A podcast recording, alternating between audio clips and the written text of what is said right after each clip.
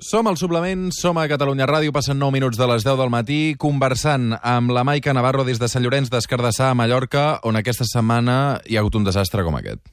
tancat dins la finca, no podien sortir perquè el torrent s'havia desbordat. Justament ell i el veïnat van poder passar amb un cotxe amb quatre ocupants de dins i les van poder rescatar. Sí, hi ha, hi ha un pont que se n'ha anat per avall, hi ha pont. Ostres, déu nhi Se n'ha anat, se n'ha anat literalment. Inclús hi ha gent que cotxeria i no li va donar temps de sortir, que són morts. 12 persones han mort, un nen de 5 anys continua a aquestes hores eh, desaparegut i la Maica Navarro, que va arribar a Mallorca aquest dimecres i que ens estava explicant, eh, ens estava fent un resum, de fet, del que havia vist. Maica, hola de nou, endavant. Hola, de nou. Uh, bueno, el que us intentava explicar abans és que quan jo arribo dimecres al, al matí, el que em trobo en aquesta població de Sant Llorenç, que alguns hem anomenat la, la zona zero, i on es van arreplegar tots els primers focus i mirades uh, de, de, per, per intentar avaluar aquesta catàstrofe, era una, una localitat absolutament devastada. Devastada per aquesta torrentada que, que va fer molt petita, molt petita a la gent i que va demostrar la, la força imparable de la, de la natura. A, a, aquí a Sant Llorenç fa baixada, fa baixada, bueno, fa baixada com, com els torrents, o sigui, és una localitat eh, aixecada sobre d'un de diversos torrents que baixen fins, a, fins al mar, que deu estar com a, com a 9 quilòmetres, i tot són construccions baixes, baixes de màxim dos, dos alçades, si molta gent, de fet, la catàstrofe va evitar, o sigui, aquestes construccions, insisteixo, de dos pisos va evitar que, que, que haguessin moltes més víctimes, perquè és possible que molta gent tingui les estances per dormir a la part de sota, Ah. però totes les cases, tot i que hi hagi dues famílies, estan comunicades per una escala al darrere. I moltíssima gent es va poder refugiar a la part de dalt, tot i que no fos casa seva o que les cases estiguessin buides les, els baixos, que perquè us imagineu són voreres estretetes, a l'aigua, que arribaven a alguns punts i les marques, ara estic baixant per un dels carrers principals, encara que és, és visible, doncs aquí hi ha, hi ha punts que l'aigua va arribar metro i mig, dos metres, tres metres. A més, no era aigua neta, era, era fan, era fan que, que, que t'impedia uh, gairebé bellugar-t'hi amb una força que impedia molta gent. Recordo un, un alot que m'explicava que, que va quedar tancat amb, amb, amb, la- amb l'habitació del garatge, que havia s'havia construït com una mena d'estudi, i no podia obrir les portes perquè la pressió de l'aigua era tan brutal que no podia obrir fins que el seu pare va aconseguir, amb l'aigua fins la cintura, trencar la porta amb un moll, amb un mall i, i rescatar el seu fill. Uh -huh. Vaig viure allò, una, un, una ciutat que era com una mena de, de, de, de camp de guerra. S'havien retirat ja quan jo vaig arribar aquests cotxes que, que impedien gairebé bellugar-se pel centre de la, de la vila, però el que faltava per veure era a l'interior de les cases. Aquí n'hi ha moltes famílies, es calcula que més d'un centenar, que ho han perdut tot. Tot és tot, menys, menys la vida i el somriure i el coratge i la solidaritat, com explicaven ahir molts, molts dels veïns.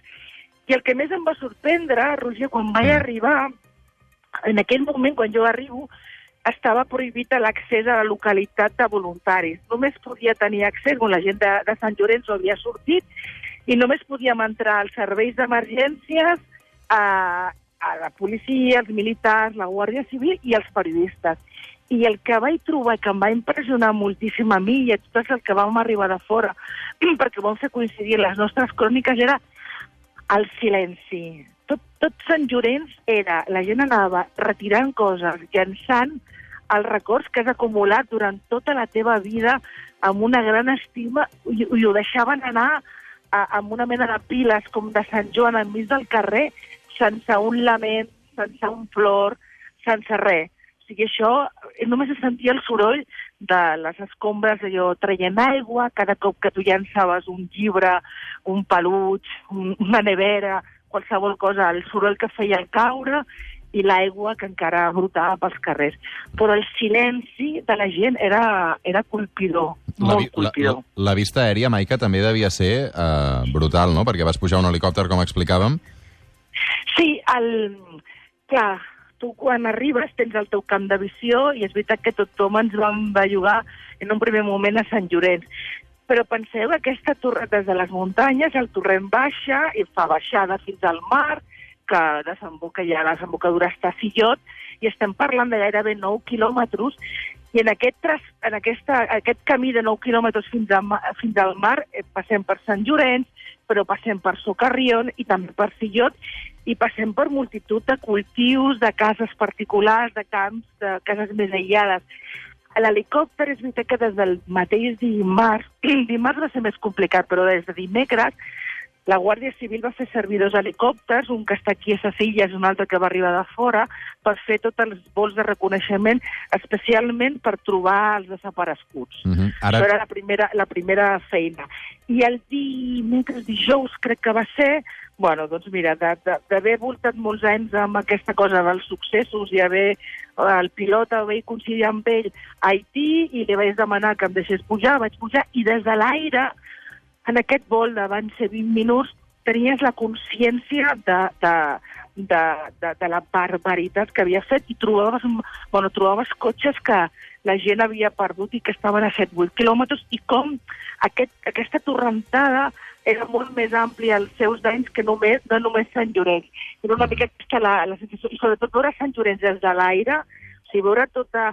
Tu veies perfectament on havia sigut el, els, els danys, perquè els carrers que són, tenen una estructura molt, molt, orde, molt endreçada, eh, horitzontals i verticals, tot allò que estava pintat de, de marró, del, del, del fan, mm. era allà on, on havia, s'havia fet mal i veies tot, totes les piles aquestes de Sant Joan que ara mateix ja des d'ahir han desaparegut completament. I ara, evidentment, a Maica, les tasques de rescat que es continuen centrant amb la desaparició d'aquest nen de, de 5 anys que de moment no apareix i suposo que cada minut que passa l'esperança eh, és més petita de trobar-lo, eh, Maica?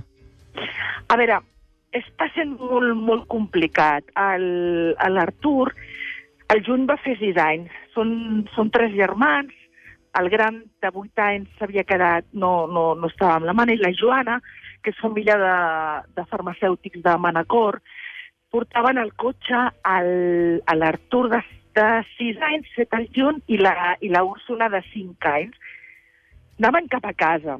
I, i el que recorda la Úrsula, que ha pogut verbalitzar després de, de, del xoc de, de viure el que va viure, és que la mare bueno, va començar a ploure. Això calcula que devia ser dimarts, i mitja de la tarda. I la mare el que fa és, eh, pot trucar, telefonar un moment a, al seu home que acaba d'aterrar a Londres per feina. I només li dona temps de dir bueno, que està plovent molt i que les carreteres estan, estan bueno, molt malament. I què fa la mare? Què s'intueix que fa la, la Joana? Perquè del, del que s'interpreta pel que ha pogut verbalitzar la Úrsula, i, i recordo de 5 anys, eh?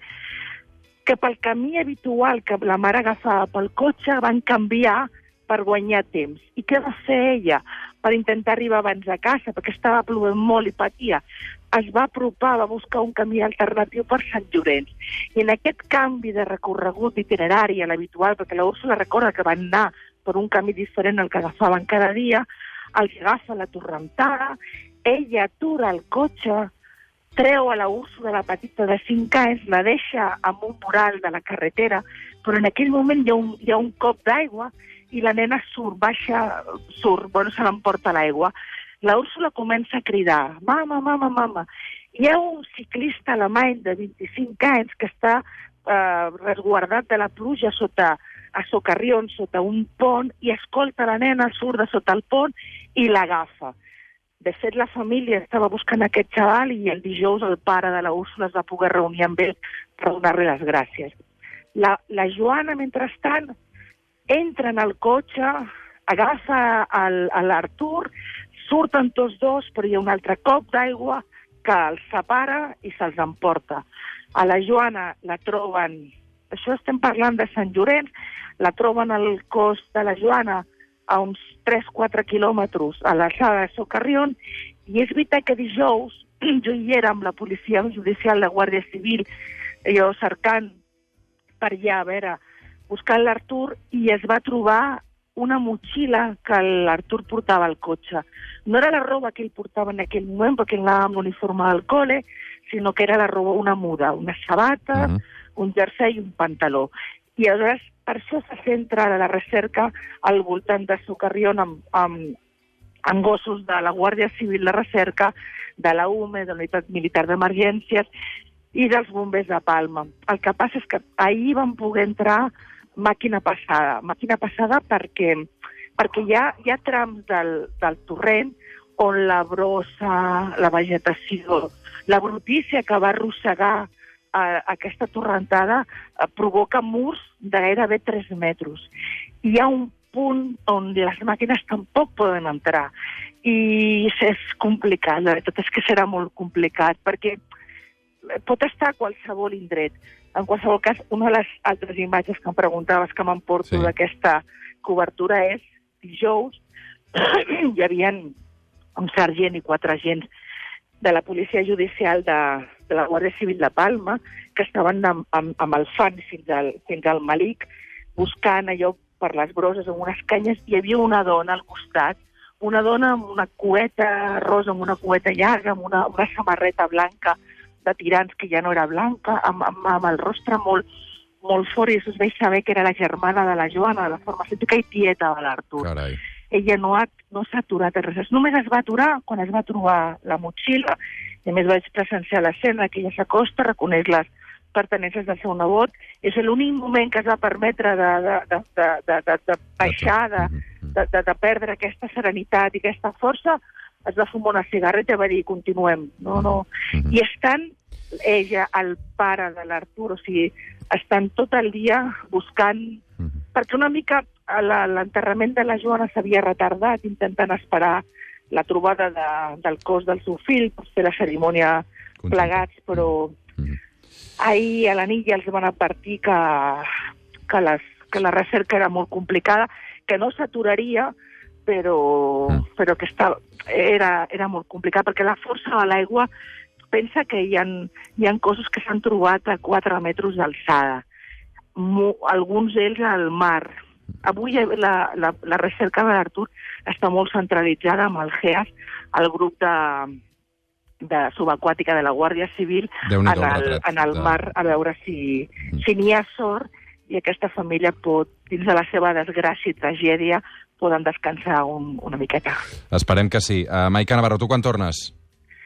Jo eh, ara torno a, a l'hotel i m'adutxo, faig un vol i, i agafo un avió.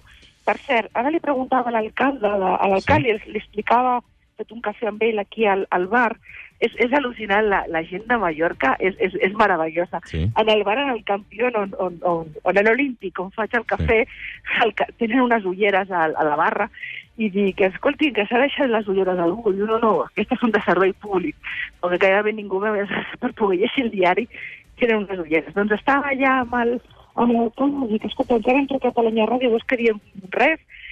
Clar, hi ha molta gent que s'ha quedat sense res i la gent està oferint mobles i oferint de tot. Ens han donat un telèfon, m'han dit que digui un telèfon per tota aquesta gent que, que està enviant coses una mica així de la brava. Doncs a veure, diguem aquest telèfon, va. Doncs pues mira, Digue'm. això va aquest to, és que llavors que pensi... Sí, sí, digue'm. Ah, vale, no ho sé tu, 83, 83, 93. 83, 83, 93. 9 7 1 83, 83, 93. Aquest és el... Aquest és el telèfon on s'està canalitzant una mica tota la tota l'ajuda que arriba de tota la península, de tota Europa i de tot el món. 971 83 83 93. Maica Navarro, moltes gràcies i bon vol de tornada. T'esperem a l'estudi dissabte que ve, d'acord? Gràcies. Una abraçada ben forta. Bona tornada, que vagi bé. 10 i 23 minuts, som al suplement, som a Catalunya Ràdio, fem una pausa i avui, com tants d'altres, també farem el cim. De seguida, muntanyisme al suplement de Catalunya Ràdio. Fins ara.